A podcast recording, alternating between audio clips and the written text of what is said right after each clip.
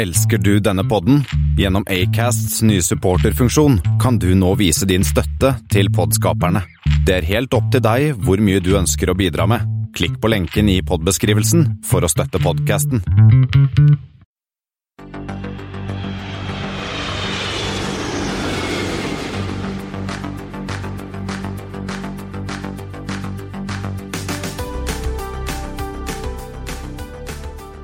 Hei og velkommen til eh, Flypoddens Flight 62, som vi har kalt Ut på tur, aldri sur. Hele banden, eller trioen om du vil, i dag samla her i Hvalstad Studios. Og um, vi kan starte med å si hei hei til deg, Espen. Hei, hei. Og hei hei til Christian. Hei, hei. Og meg selv, eh, Thomas eh, Lone, her til stede. Eh, det er blitt mai siden sist vi var på lufta, når vi har bestemt 6. mai. Skulle man ikke tro det man ser ut av vinduet og det snør, Thomas? Nei, det, det er sant. Det var litt kjølig i dag. Jeg, det er et snøhull, så Har du tatt fram skiene Espen? ah, jeg tror jeg drøyer til november. Yes, men eh, vi skal ikke snakke om snøen som falt i fjor. Vi skal snakke om eh, I dag så blir det litt om en avslutta streik. Vi skal se litt på tallene til Air France KLM. Eh, DAT de har fått seg en retro retrojet. Eller har de det? Vi skal se litt på ulykken i Moskva. Vi skal til og med et nytt flyselskap som har sett dagens lys i Europa. Og litt til. Vil takke alle de som støtter oss på Patrion og via Vips. Og eh, siden sist gang så har vi jo eh, kommet opp med en, eh, et genialt konsept. Eh, det var vel Espen som eh, dro i gang dette her, Espen. Det var du som foreslo det forrige uke, egentlig, da vi satt og snakket om eh, Air Leap og Stockholm. Ja, så syns jeg jo at uh, kan ikke bare talk to talk, you have to fly the flight. Fly as well. Så, så det som lesere av Facebook-sida vår har fått med seg, er at vi har jo da faktisk bestilt oss tur da med Air Leap til Stockholm og eh, Etiopien tilbake. Ja. Vi reiser den 14. juni. Klokka halv ni på kvelden. Halv ni på kvelden. Vi har booket oss eh, rom på Clarion-hotellet på Arlanda med Jeg har sett de har svømmebasseng på taket med utsikt over flyplassen. Det ser ganske fint ut. Mm. Eh, Og så er vi tilbake igjen da neste morgen 7.40 er vel, med Etiopien Trip, eh, Dreamliner tilbake til Oslo. Det stemmer, og vi vet vi har allerede noen lyttere som faktisk skal være med samme flighten. Det blir koselig, da. Det blir koselig, og hvem som helst kan hva skal jeg si, melde seg på. Det er ikke noe organisert, men det er bare å kjøpe en billett. Kjøp en billett, eller en hver vei da kanskje, eller i hvert fall, én. Ja, hvordan folk vil komme seg tilbake, ja. kan folk velge helt selv. Men det er jo litt av poenget å fly denne Saben. Jeg har ikke fløyten den før. og- Ikke. Og ikke jeg heller. Så, og, og billettene var jo ikke akkurat dyre. Nei, altså det er jo en flight det, er, som vi var innom, det er jo en postflight, så det skal Får de en 500-lapp her, en 500-lapp der, så Ja, men det er bra. Jeg har lagt merke til de driver litt revenue management. på Vi bestilte vel som de første, så vi betalte var det 480 norske kroner rundt sånn, omkring der. Men den er litt morsom, for det er jo det er jo ikke alle der ute som hører på Flypodden, og som er flyinteresserte. Det kan vi kanskje innrømme. Hæ? Hæ? Eh, sånn at, og det er jo veldig mange som bare booker pris, booker, unnskyld, booker en flybillett, ser på pris. Sånn litt ukritisk. Bare gå på finn.no, velge finn.no. Oslo eh, Arlanda ja. en fredags ettermiddag. Ja, eller fredagskveld, og jeg er sikker på at da er Leap i noen ganger tilfelle er billigst. Og folk trykker 'book', den er Men er de med Fins de på Finn og e-bookers og sånn? Ikke- vi booka jo direkte på Vi Airleap. booka direkte, jeg, jeg vet ikke. Jeg, Ikke men, det lista. ja, men de må jo komme opp på et eller annet søkemotor som tråler nettet. Men jeg tenker på det er noen som kommer til å gå på den smellen. Og så står de der, og så De har ikke peiling på fly, men de vet at et fly har vinger Ser sånn halvmoderne ut. Eller en 737 gjør egentlig ikke det, men det ser sånn ut. Litt, litt størrelse på det. litt størrelse, to motorer under vingene. Jet, to jetmotorer. Ja, og så kommer de da gående, liksom Gardermoen, så bare Ja, jeg Leap, ja, det var rar skranke. Jeg tenker ikke noe mer over det, for de er ikke interessert i det hele tatt om fly. Og så, det er sikkert bussgate og sånne ting, så blir de bussa ut, og så ser de en gammel Saab av et propellfly som står der. Jeg Tenk på den eh, Jeg håper det er noen sånne med på turen vår, som kommer til å stå der med ja, What? Det kan jo også hende at det- bare er oss seks. ja, det blir litt sånn private jet feeling. Ja, fint det, altså. Det får vi se på. Men eh, vi må videre, og denne uka så er det jo Flight 62. Og vi har eh, funnet både et par flighter og en eh, ulykke denne gangen òg, Christian. Ja, la oss gå på de eh, flightene som fremdeles- går, da. Det er jo, vi så på Vi, vi havner ofte i de samme selskapene, Thomas. Det er sånn Q Qantas Flight 62 som går Tokyo Narita til Brisbane med en A330-300. Eh, man tenker liksom at det er ikke så at det er sånn Tokyo til Australia, det er kragebiten, men det er jo egentlig kjempelangt. Det er jo åtte timer eller noe. Ja, minst. Det er er, kjempe- det er eh, dritlangt. Ja, det er langt. Det er litt sånn som eh, når jeg skulle fly en gang eh, ned til Vietnam, så tenkte jeg ja, jeg booker med via bonuspoeng, så jeg flyr via Tokyo og så ned til Bangkok og så opp til Vietnam. Eh, Det som jeg ikke tok med i beregningen, eller det var jo det at det er jo faktisk seks og en halv time å fly fra Tokyo til, eh, til Bangkok. Jeg var i SAS International i Stockholm for noen år siden. Da hadde, vi hadde jo faktisk et salgskontor i Sydney, Australia. Og der var det en fyr da, som jeg traff, han som var sjefen for salget i Australia. Så det var verdens beste jobb å ha, da. Fordi at han var jo aldri eh, i samme tids, våkne tidssone som hovedkontoret. Stockholm og uh, Sydney er aldri, de er aldri våkne på samme tid. Og hans nærmeste sjef var salgssjefen for Asia, som satt i Tokyo. Det var åtte timer unna. Så det var greit. Ja, og apropos den, den er i lufta Den går nå? Den er i lufta. Den forlot Narita for seks timer og tre kvarter siden. Og har enda én time og tre kvarter igjen til Brisbane, og lander da ja, tidlig på morgenen der nede. Ja. ja neste, neste flighten, eh, 62-flighten UA62, United 62, er også en eh, lang en, som er ikke fullt så lang, men lang den som er eh, Houston eh, George Bush Airport, som det heter nå, ned til hva er det, Sao Paulo, Det stemmer. med en eh, god gammel 767-300, samme som jeg fløy hjem fra Houston eh, i mars. Jeg har ennå til gode å fly 760, faktisk. Så da må du kjappe deg, for det er ikke vet, så mange igjen. Det vet jeg, det må raske på der. Men eh, du, en, du fant eh, jo også en som ikke var fullt så lystig, Ja, Christian. det dukker jo opp ulykkesfugler eh, når vi går inn i disse. Det er altså en, en Flight 62 som heter fra selskapet Sriwijaya Air. Espen, det- det stemmer sånn cirka? Jeg er ikke så god i Indonesisk? indonesisk, men eh, det, du har sikkert helt rett. Ja, det er altså et indonesisk flyselskap som har i dag en 35 737 som flyr rundt eh, domestic på Indonesia. Jeg har vel krasja et par av de òg. Ja, det kan godt hende. Altså, den her er altså en 737-200 i eh, 27. august 2008 eh, på vei fra eh, Jakarta til Jambi. Og under landing i Jambi da, Jeg aner ikke hvor Jambi ligger, men det ligger på Indonesia et eller annet sted. Eh, så eh, kjørte de for langt, kjørte av banen, traff ett hus, eh, en bondegård. Eh, der eh, det var tre mennesker eh, som ble skadd. Eh, Den ene av de tre, altså far i huset, døde noen dager etterpå av skadene. Da var det eh, 124 passasjerer om bord, og eh, 26 av de ble også skadd. Så det var en, en, eh, en sånn eh, en overrun, runway overrun som vi også hadde nå i helgen i Florida, med Miami Air, som kjørte av banen. Og sånt skjer jo av og til. Men her er altså da e- Egentlig skulle jo ingen ha omkommet her, bortsett fra at det var uheldig å treffe et hus, da. Det skjer jo også av og til, dessverre. Men eh, Stribuyaya Air skal ha kudos fordi at de tok ordentlig ansvar, og eh, hadde vi betalt jo skolegang for denne datteren i huset som mistet faren sin, og betalte alle, alle medical expenses, så de tok jo ansvar for det de hadde gjort, da. Men eh, vi kan gå over til eh, de ukas saker som har eh, opptatt eh, flybransjen litt sånn over det ganske land og verden. Eh, Vi kan jo starte med en gladnyhet. SAS-streiken er over. Yay! Noen av oss skal ut og fly denne uka. Jeg må huske å avbestille Norwegian-billettene mine. Så det For du rakk, for du rakk å kjøpe sånne Nei, men jeg kjøpte så, la- jeg kjøpte så langt fram jeg at da var det flex. Så det, var, så det må jeg huske å avbestille. Eh, så det, så det Men eh, streiken er over. Eh, kom vel eh, Det var her på fredag at det ble eh, Streiken ble avblåst. Sånn seint fredag kveld så var det en pressekonferanse og litt sånn.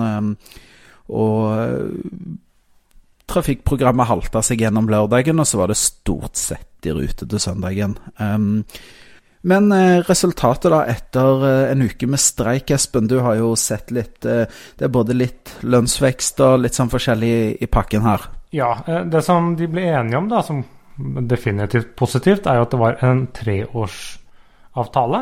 Jeg vet ikke om det var som forrige gang at det var siste året er opsjon, men da er det i hvert fall kanskje det er tre år til de neste gang skal forhandle. De ble enige om en lønnsvekst som varierer fra ja, jeg lurer på om det var 3,5 første, første året, så 3% så 4 eh, Men vel så viktig så har det, ligger det inne noe bedre forutsigbarhet, for det har jo vært det de har kjempet for, slik at flere skal over på fast turnus, og de som ikke er på fast turnus, skal få noe mer fleksibilitet, eller jeg tror det var sånn noe flere si, helger de kan garantere seg fri på.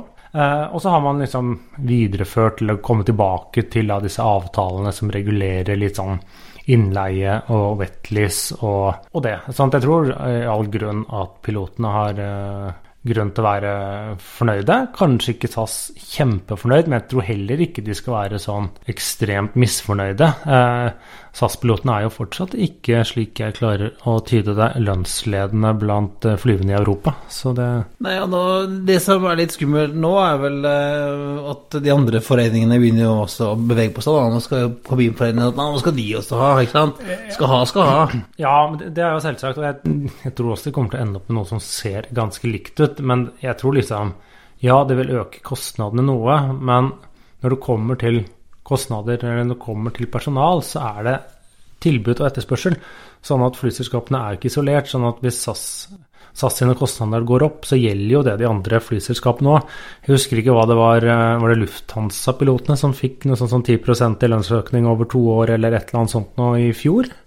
Eh, så det er jo ikke Dette er jo ikke unikt. og var det noen som rapporterte er den, var det kapteinen i Ryanair tjener? De tjener jo omtrent bedre enn hva de tjener i SAS. Ja. Sånn at det er jo ikke eh, Ja, dette er et enkelt og greit marked. Det styres av tilbud og etterspørsel på personal, da spesielt av piloter, som etter hvert vil bli et uh, knapphetsgode. Uh, Vi kommer litt tilbake til den, nesten. ja. ja, vi, tilbake, de sier i hvert fall det. Uh, og det er jo de som er vanskelig å, å, å erstatte. Og så Jeg skal ha all respekt for kabinansatte, og de gjør jo en kjempegod jobb. Men jeg har aldri hørt om et eh, flyselskap som har hatt problemer fordi de ikke har klart å skaffe kabinbesetning. Kabincrew, nei, nei, det er sant. Ja, så vi får se da til eh, neste år. Det er vel da kabinforeningene skal eh, i lønnsforhandlinger og, med SAS. Det stemmer, så der, men da er det i hvert fall trygg et år, tror jeg. Men vi får se. Neste år, vårens vakreste eventyr, april-mai. Kao og gjengen skal forhandle med SAS. Det blir spennende å se hva som skjer da. Men eh, vi må jo ta en tur innom Russland, for det var jo noen forferdelige bilder vi så derifra i går, eh, og Espen. Det var jo en eh, Sukhoi superjet som eh, ja, landa hardt, eller uh, det, var, det var mye som har gått galt her, og det endte jo totalt med at over 40 stykker mista livet på den uh, flighten der. Det stemmer. Det var da en uh, superjet, såkalt superjet som tilhørte Aeroflot. Etter hvert så er det jo går jo stort sett bare det i Russland og noen andre. De forsøkte jo å selge disse flyene til Vesten, men de har slitt med å holde dem si, i lufta. Rett og slett mangel på deler, mangel på vedlikehold. Uh, sånn at disse CityJet hadde noen av de, har dumpet dem. Uh, disse meksikanerne de prøver å kvitte seg med dem, for de, liksom, de har jo parkert Jeg lurer på om de har et sånn 15-20 fly, og de aller fleste står parkert. Men nok om det. Men uh, Aeroflot har tydeligvis vært eh, fornøyd med dem og hatt en del. Eh, selv om eh, nå, så dag, så kom det meldingen om at dette Jamal Airlines i Russland har kansellert sin ordre på ti Superjet. Så blir jo spennende å se fremover. Men det som tilsynelatende har skjedd her, da Dette skjedde i går, så man har ikke Havarirapporten er ikke klar. Men tilsynelatende så var det da et lynnedslag i flyet, og de opp, eh, meldte om tekniske problemer av et eller annet slag. Så Motoren Ja, noen et motorer eller et eller annet, og snudde da når de kom på 10 000 fot, dro tilbake til flyplassen. Og det blir spennende å se hva og hvorfor og hva som gikk galt, men de landet i hvert fall altfor hardt. Type at de ikke landet, men spratt opp Ja, det, har jo, det kommer ganske mye video, eh, litt kolete, men eh, mye video fra forskjellige vinkler i går. Ja, og det kom det, det ene som vel var det et overvåkningskamera, vel, tror jeg? Ja, ja, det fins flere, men som, hvor, du, hvor du ser det tydelig. Det treffer bakken litt hardt, spretter opp, og så treffer det med halen, og så tar det fyr. Ja, eller det tilsynelatende treffer faktisk så hardt at det er noen, de spekulerer da om understellet knakk. Og da gikk, eller gikk gjennom Ja. vingen, og da antente drivstoffet. Slik at det endte i en ildkule. Og det var jo derfor så jo helt forferdelig ut. 40, ja, 40 passasjerer omkom. For halve flyet ble jo totalt utbredt. Men at eh, 30 mennesker klarte å komme seg ut av det ene av livet, er jo helt utrolig. Men så ser vi jo på noen bildene at noen av de der kjøtthuene kommer med håndbagasjen sin gående. Men det skjer jo hver ulykke. Ja, men altså, det må slutte. Altså, det er jo, jeg har sett flere som har sånn der, kommet med krav om at disse menneskene må stilles for retten. For at de sekundene det tar å, å liksom, å gå opp og få med deg bagasjen din, det kan være de sekundene som gjør at han bak deg ikke kommer ut. Men det, men det er det som man ikke vet. Da, selv om, Nei, vet jo ikke det, selvfølgelig. Jo, men det er, nei, det, det er ikke, ikke at det er til å forsvare, men ved en sånn situasjon hvor mange går inn i en slags panikk eller en eller annen sånn zombie-status og bare gjør ting automatisk uten å tenke. At man liksom ja, Det er sånn jeg går ut av et fly, og så gjør man det uten å folk, Det er jo enkelte som reagerer med panikk med å fryse. Men disse her tok med seg taxfree-posen sin. Nei, kanskje ikke det, for det var innenriks, men uh, uansett. Jeg har, det var en, et, godt innlegg i dag fra en uh, venn av meg, en um, SAS 737-kaptein, Rolf Liland. som, Ja, det eh, så jeg. Det var flott, altså. Som hadde som uh, skrevet om, om hva man bør tenke på hvis noe skulle skje. Han sa liksom alltid når du er ute og flyr, ha, ha mobiltelefonen, passet og lommeboka på, din, på deg, på kroppen. Ja. Sånn at du alltid har det med deg, og så slipper du å tenke på hvor det er hen. Eh, og så sa han også noe som jeg alltid tenker på, faktisk, å alltid ha på seg sko. Uh, under landing og takeoff. Jeg hender at jeg tar av meg skoene hvis jeg skal fly langt, uh, for å få litt luft på tærne. Men jeg har alltid på meg skoene, og passer på at uh, familien også har på seg sko når vi skal ta av og lander. For at hvis vi må ut, og det brenner, og du skal tråkke på metallbiter, så vil jeg helst ha på meg sko. Jeg, jeg har en sånn greie. Jeg teller alltid antall rader til nærmeste det er også et sånt tips. Eh, Så du vet liksom jeg skal tre rader bakover i mørket og jeg ikke kan se en dritt. Ja. Men ikke høyhælte sko på nødutgangssklia. Nei, det, Det er det. Det kan du ikke gjøre, Nei, det må jeg passe på. Det må jeg passe på. Nei, men det, jeg tror det er også det viktige, det som, som vel eh, Som vi aldri kan forstått ofte, er det at når de crewet går gjennom sikkerhetsrutinene, så er det jo for en grunn. Følg med. De gjør ikke det for gøy. Og undersøkelser har jo vist, forskning har vist da, at de som faktisk har fulgt med, har hatt større sjanse for å komme seg ut i, i sånne tilfeller. Hvordan holder du forresten det? For de som kommer ut, hvordan kan de spørre de hvordan de Ja, de tester kanskje Ja, de tester simulator. det da, men i hvert fall så er det sånn at det lønner seg å følge med når man går gjennom sikkerhetsrutinene. Jeg husker da jeg var i, nede i, i Dubai hos eh, treningssenteret til Emirates. Og der var vi med på en sånn explosive decompression i, eh, og hva som skjedde og inne i simulatoren, en trippel simulator eh, satt inne i passasjerkabinen. Og bare det at jeg satt inne i en simulator Jeg visste jo det at dette var helt trygt, men det var skremmende. Det blir stressa, og jeg skjønner det at hvis du sitter i virkeligheten man skjer en eller annen nødsituasjon, man må lande, man må evakuere. Selvfølgelig blir folk stressa, folk friker ut, noen får panikk osv. Så, videre. så igjen, det viktigste er følg med og drit i håndbagasjen. Ha, følg vår, eh, fra vår eh, bekjente Rolf Liland, følg hans råd, ha det du trenger på deg, og resten kan du løpe ifra. Men nok om eh, pekefingre ifra flypodden. Vi kan jo ta en tur ifra Russland og til Tyskland. Eh,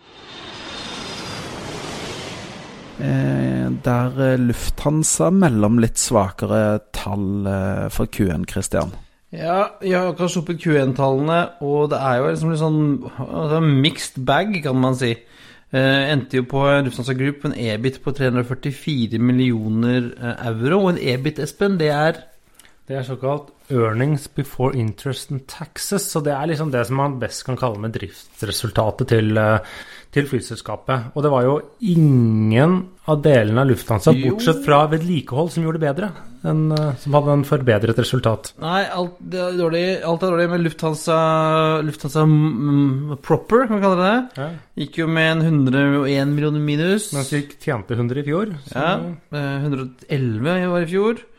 Eh, Austrian eh, også dårlig. 99 euro, millioner euro i minus mot 73 i fjor. Eh, Swiss gikk i pluss. ja. 40 millioner, men halvert. halvert fra i fjor. Eh, mens der hvor det virkelig er liksom Hvor det brenner ordentlig godt på dass, er jo hos Eurowings. Minus 256 millioner, millioner euro. Det er jo litt enda verre enn Norwegian med. Ja, det er et lurer på om marginen deres faktisk er dårligere enn Norwegian òg. Og så vet man ikke hvor mye er dette liksom restruktureringskostnader i forbindelse med Berlin-oppkjøpet og alt annet. Men det er helt tydelig at Eurowings tjener jo ikke penger overhodet. Men Og det går stadig verre. ja, det går stadig verre. Men det er jo tydeligvis at Lufthansa har jo fortsatt uh, tro på det. De har jo utvidet stadig. uh, så de må jo Det er jo i businessplanen deres å tjene penger en eller annen gang. Og de har jo tro på sjefen, for han Eurowing-sjefen fikk nettopp fornyet kontrakten sin med tre nye år. Så Ja, man får litt uh, tid, da. Men uh, altså, det, det ser ikke ut som det går så bra. Og det er jo litt sånn jevnt over. Det går dårlig for Norwegian, det går dårlig for Transavia, det går dårlig for Eurowings. Det gikk ikke så bra for eh, EasyJet og, og Ryanair heller.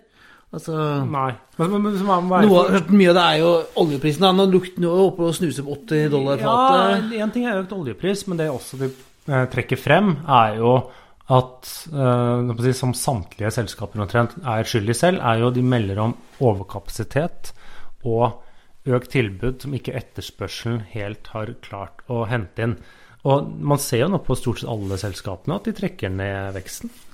Det, nå har vi jo blitt eh, si, kvitt både Monarch og Air Berlin og Jet Airways og litt forskjellig. Ja, men det var jo i fjor, så Ja, ja. hadde ikke en effekt Men altså, det ser jo ikke ut som denne overkapasiteten blir borte, da. Det er fremdeles mye, altfor mye kapasitet. Det har jo bare dukket opp noe nytt istedenfor, eller de eksisterende flyselskapene har, har utvidet. Selv med alle maksene på bakken hjelper ikke det. Men de, eh, Lufthansa og eh, flere som kommer, kommer tilbake til etterpå, er jo at de faktisk rapporterer om gode bookingtall fremover. Da. Så det er jo kanskje håp. Og Lufthansa opprettholder jo eh, guidingen deres på hvordan det vil gå for året. Så de har fortsatt god tro på 2019 totalt sett, selv om de og veldig mange andre selskaper har jo da fått en relativt dårlig start.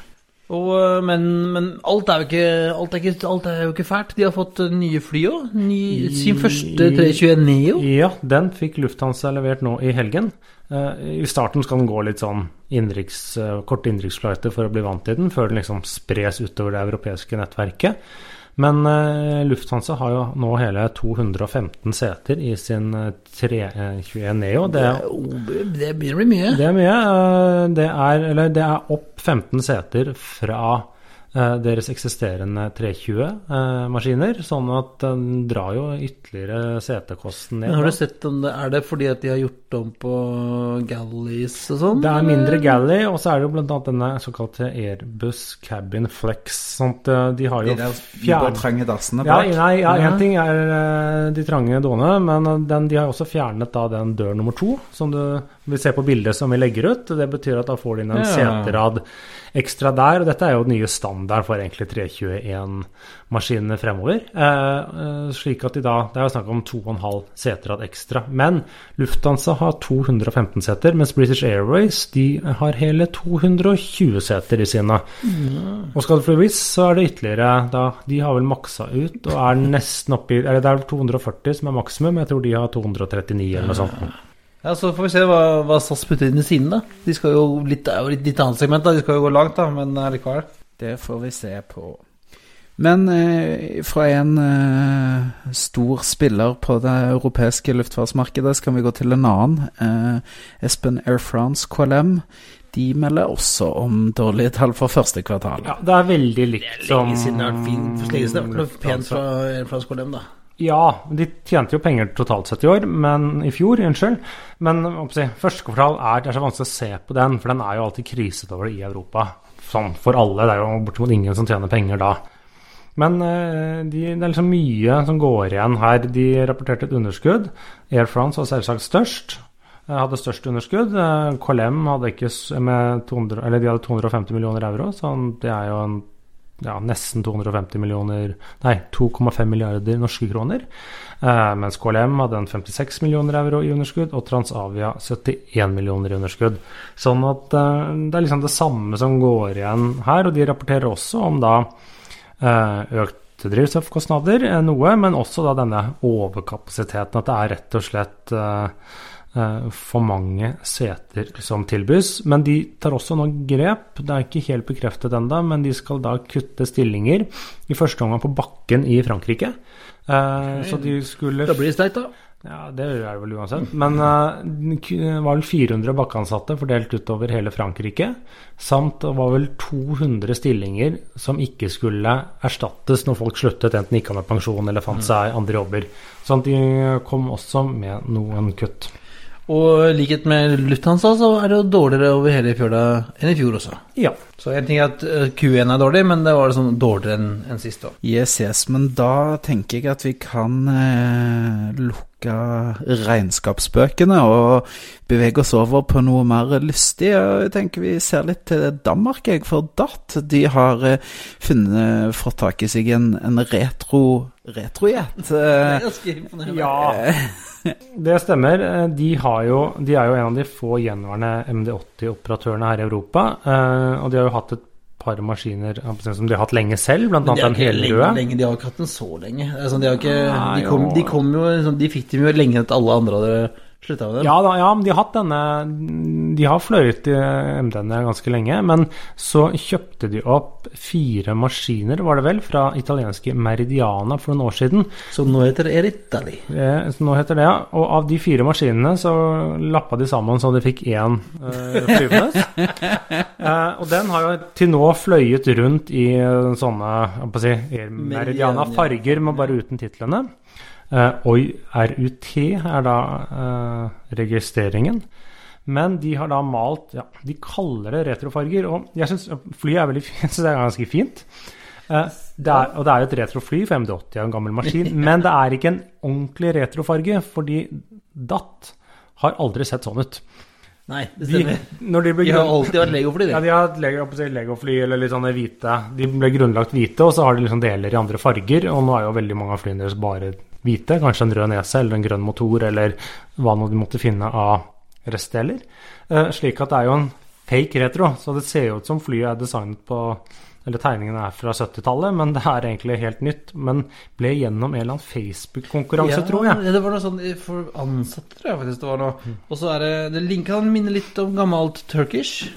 Ja. Eh, Kan være litt eh, Austrian, gammelt Austrian.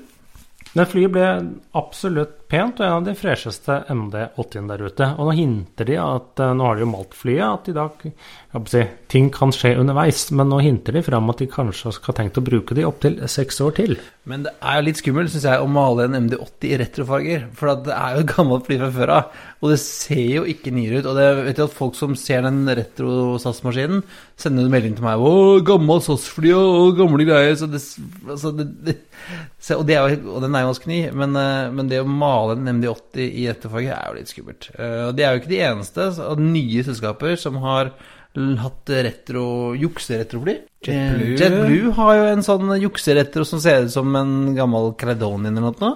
Ja, for det skal liksom være liksom fra 60-tallet, bortsett fra at JetBlue ble grunnlagt på slutten av 90-tallet. Eh, 2000, det. Ja, altså, men, men morsomt, fordi bare, liksom, hvorfor skal alle de andre ha det gøy med retro, retrojets? Vi vil også ha en retrojet. Nei, men jeg syns MD er morsom, da. Men Ja, jeg, jeg syns den er fin, jeg. Ja, nei, men eh, Jeg tror egentlig ikke folk bryr seg så mye. Jeg vet ikke. Men eh, det er fint fly. MD80 er jo en av mine favoritter, så Og trengte sikkert strøk maling uansett. Ja, så hvorfor ikke gjøre det sånn som dette? Pent ble det i hvert Så fall. lenge, ikke, så lenge maksen ikke flyr, så trengs det jo ekstra fly for å øh, fly for dem, da. Det gjør det også. Men- Apropos det, en eh, sterk radiofaglig overgang der, Kristian. Christian. Ja, eh, status på eh, disse Max-flyene nå er jo at de, de står fortsatt. Noe av det rareste syns jeg, da, og det her må jo dere bare hoppe inn, men Boeing trodde jo selv Kommer det fram nå at dette eh, varslingsutstyret for Angle of Attack-sensoren At det var standardutstyr på alle fly? Men det var jo ikke det. de solgte det jo som ekstrautstyr. Ja, Men trodde det var det? Det, det, har jo de innrømmet selv. Eh, slik at hvis dette stemmer, så har Boeing en litt dårlig case. Eller det er ikke det at dette er en ting man kan fikse. Jeg, jeg tror 737 Max kommer til å bli skal si, trygt å fly igjen. Men eh, Boeing risikerer jo da å måtte betale milliarder i erstatninger hvis de har bomma eh, såpass på dette. Både til da eh, direkte relatert til ulykkene, men også fordi at da, de flyene de, de har levert, de står. Ja. Og flyene de har produsert, er jo ikke levert. Jeg så noen nye bilder nå. Nå står det jo Det er enormt. Ja, nå står det ganske lagret, for de produserer Nå har de riktignok dratt ned produksjonen litt, grann, da, men eh, de produserer jo nå 42 fly i uka. eh, 52 fly, Nei, unnskyld. 52 fly i måneden. Eh, Nå redusert til 42 fly i måneden. Slik at nå er det jo da fullt av ikke leverte Boeing-fly. Det står på Renton, de står på Boeing Field, og de står på Everett. Så de Så- fyller opp sine egne Så til og med noen med i Jet Airways-farger der oppe? Ja, de Jet Airways-fargene kommer til å bli stående der en stund. Men eh, Så det liksom fylles jo da opp etter hvert, og de får ikke begynt å levere noen fly før de er trygge. Eh, man har jo da begynt, eller sånn, som vi var inne på forrige uke, Boeing sier de er ferdig med testingen, men så er det da sertifiseringen, og det er forskjellige sånne boards, eh, nasjonale og, og, Myndigheter ja, skal myndigheter hjem. og Ja, og multinasjonale. Ha noe å si det, Ja, ja. og? Så de skal alle sies, så det blir jo stående fortsatt ganske lenge. Eh, mm, som sagt, ingen vet fortsatt hvor. Vi vil komme tilbake til det når noen hele tatt vet noe. Eh, men det, dette er jo også en sånn PR-messig katastrofe for Boeing. Og du kan si kanskje de får litt mye tyn. og det er jo en del som er der ute som er misfornøyde tidligere ansatte som klager. Det, er liksom, Ja, det skaper det litt ekstra støy. Men det framstår mer og mer klart nå. Det er et eller annet som er råttent hos Boeing. Det er et eller annet som ikke fungerer der. Sånn at de slurver og ikke gjør en rett og slett god nok jobb. Ja, det altså tenker jeg også dette med FAA og disse godkjenningsprosessene og bukken passer havresekken osv. At eh, når FAA tok og, og definerte en del av sånne ting som ikke var kritiske, de kunne Boeing få lov til å sertifisere selv.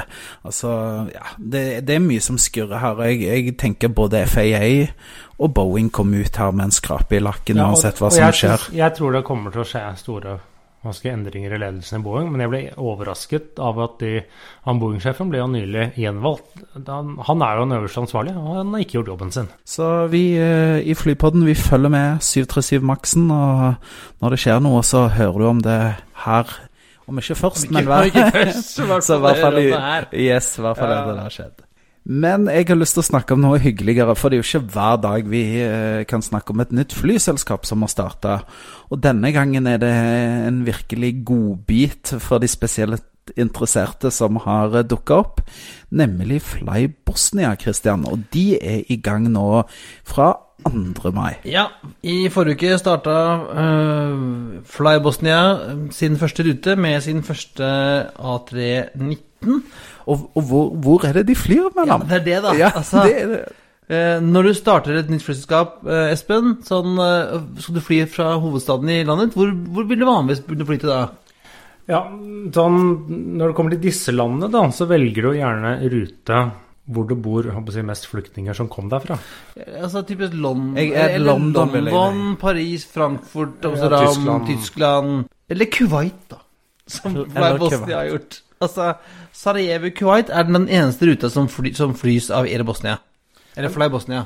Men det man kan spørre deg om, det er jo, det er jo en link mellom uh, den arabiske verden og uh, Bosnia. Så det er jo spørsmålet hvem som sponser dem. Jeg leste litt rundt. Tidligere var det snakk om det skulle vært noen saudiarabiske Ja, det interesser. interesser. Men det må også være noen kuwaitiske interesser. For det er jo litt sånn derre Er det der liv laga, eller er det veldig populært for kuwaitere å dra til Sarajevo? Jeg visste, Det vet jeg ikke. Altså, er det, er det, jeg trodde som at de dro til Altså til Torvieja og sånn, eller var det de dro til? Altså Ja, Kypros Altså, jeg, jeg, liksom, det, det lukter litt at de har noen sånne kalles sponsorer her. Uh, Litt som Color som starta å fly uh, Oslo til Ålesund. ja. Nei, det, det er litt, litt rart, eh, men eh, vi får se. Bosnia har jo som prøvd seg med eget flyselskap før. B&H, BH, BH Airlines eh, holdt jo på fra 94 til 2015. ja, og de gikk vel om å si, konkurs og nesten konkurs flere ganger på slutten. Ja. Men jeg har også disse nå disse nå Hva kalte vi dem igjen? Fly, Fly Bosnia. Bosnia. Eh, De har en egen skuff eh, klar i konkurshjørnet, under B. Eh, sånn at jeg tror jeg, jeg, jeg har ikke helt troen på det. Sånn flymessig så er Bosnia en katastrofe. Ja, men altså, det, altså det, som du var inne på, det fins jo nok av bosniere som bor rundt omkring i hele Europa, som det skulle som skulle gå an å reise til Ja, men ikke til Kuwait. Nei, ikke Kuwait, selvfølgelig. Så Det må, altså, han der som har rute, rutesjefen der Du må skjerpe deg! Det klart, eh, Klare ord fra, fra Christian Kamhaug der. Men eh, bare se, før vi går videre, så jeg syns flyet var fint, da. Eh, Hva tenker dere? Ja, de har ett fly, og det er i spesialfarger. Noe som heter IOF, eller 2019. Jeg vet ikke hva IOF er. Det er men sikkert noe som skal promoteres, Ja, en sånn en eller annen sånn eller noe han, sånt. han ligner litt på Pacman. Ja, den figuren, ja. Ja, de har en sånn Pacman-aktig fyr som er på sånne bilder eh, bak på siste halvdelen av kroppen. Vi legger jo ut selvsagt bilde. Så hva sier dere? Jeg eh, bruker Thomas Fellberg sine ord. Hot or not? Ja, jeg, må si det er hot. The er jo selvfølgelig det Sarajevo øh, Sarajevo Å, nei, Youth Jul Olympic Festival. Oh, ja, det er visst AOF, European Youth Olympic Festival. Det er eh, europeisk OL for de unge. Ah. Spennende, spennende. Siste var OL i Sarajevo var 1984. Det husker To ikke dere. Var det ikke? Fire? Var det 84? Nei, unnskyld, det var 1984. Ja. Ja. Så sikkert veldig mange som skal eh, reise fra Kuwait for å se på disse AOF eh, Games. Jeg skal Det- heie på sine egne Det er det nok. Ikke for kø. Men eh, Nei, dette ble bare vi, vi går Vi går vi må videre. videre i sendingen. Yes.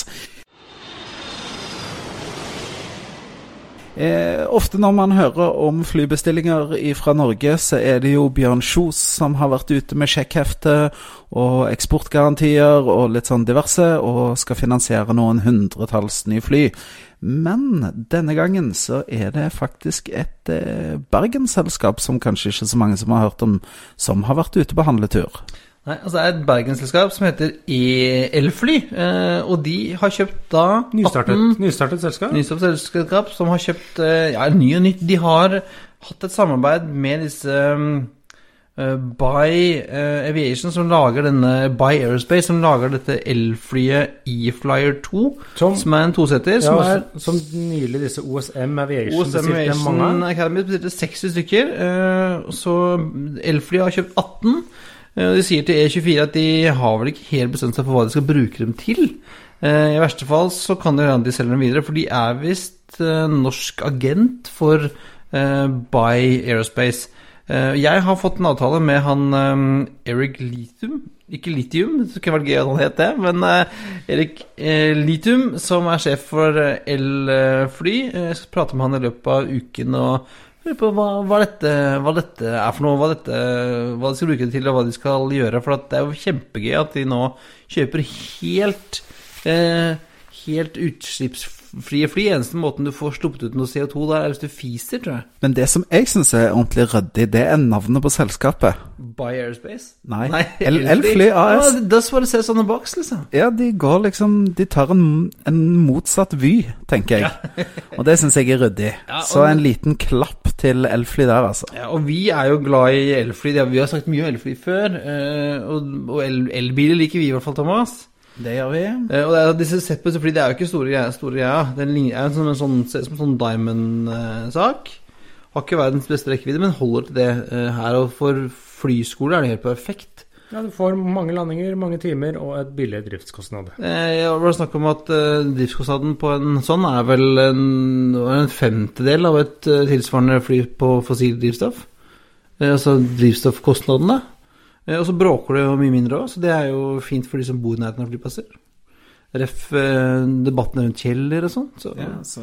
Eh, Vi heier på elfly. Det er ikke samme, samme lyden som en Harvard, selvfølgelig, men det er jo ålreit med et lite fly som ikke slipper ut noe særlig drit heller.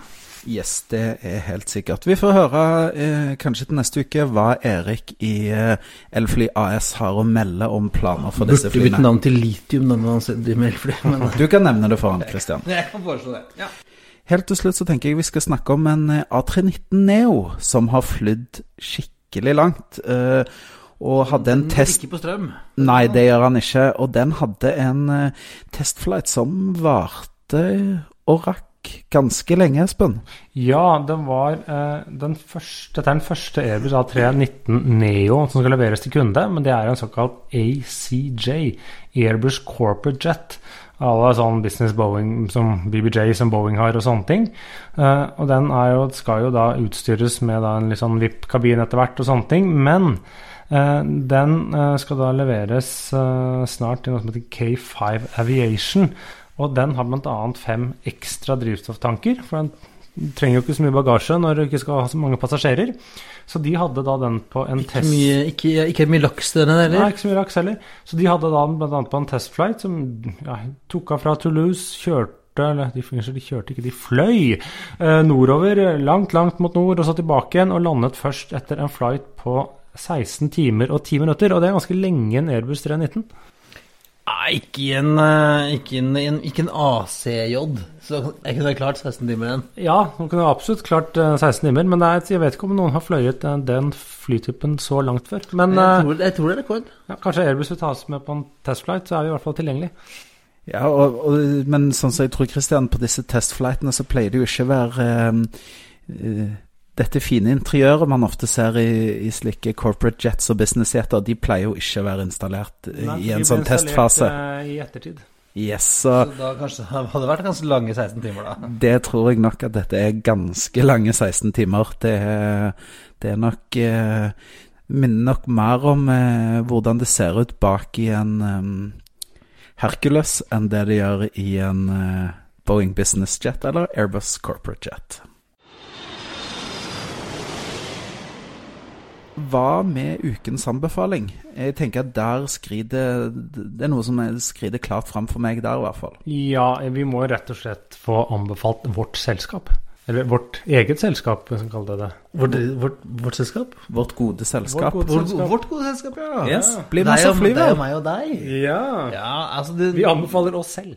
Ja, eller å bli med oss på den turen da, med Air Leap og Etiopien, tur-tur Oslo og Stockholm den 14.-15. juni. Som sagt, det er ikke noe, ikke noe som vi organiserer, men uh, vi har booket oss, booket oss billett, et par andre har booket seg billett, og vi har fått oss hotellrom. Uh, og så bli med, og så henger vi, henger vi på en liten tur og nerder litt på flyturen over, og kan hende vi tar oss en drink eller to oppe på i Skybaren der på hotellet òg. Ja, det er ikke umulig. Det, Og så flyr vi hjem neste morgen. Så det er sånn, vi har fått fri hjemmefra alle tre. Ja. Yeah. Så vi kommer jo fort hjem. Vi er hjemme før lunsj på lørdag. Liksom, så det er Ja, man, så og det er, jeg vet om det er flere som skal være med på den turen, som kanskje blir igjen i Stockholm, og som Ja. blir over. Men det er jo liksom høydepunktet. er da Høydepunktet er Air Sabben. Leap. Ble blir dårlig med, med lunsjtilgang da på Gardermoen, så vi kan ikke sitte der og kose oss før avgang. Ja, eller vi får oppfordre de som driver denne OSL-loungen på OSL, da, til å gi oss noen billetter, kanskje. Snakk med Lasse du, Christian. Ja, kom igjen, Lasse. Lasse, kom igjen, da. Yes. Nei, men eh, det er fint. Da anbefaler vi oss selv og tur til Stockholm 14. til 15. juni. Men da tenker jeg at det var alt for denne gang. Det er på tide å feste sikkerhetsbeltet, rette opp setet og sikre fri sikt ut av vinduet, ettersom Flight 62 går inn for landing. Eh, ikke etter 16 timer, men eh, etter snaue 45-50 minutter.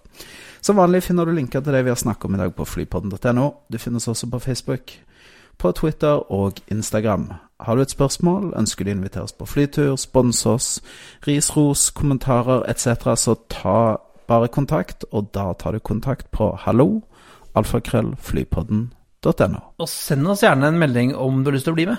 Eller om du skal bli med, sånn at vi vet at du blir med på tur. Eller legg inn på Facebook. Det kan du også gjøre. We thank you for flying with us today. We truly appreciate your business and look forward to serving you on a future flight.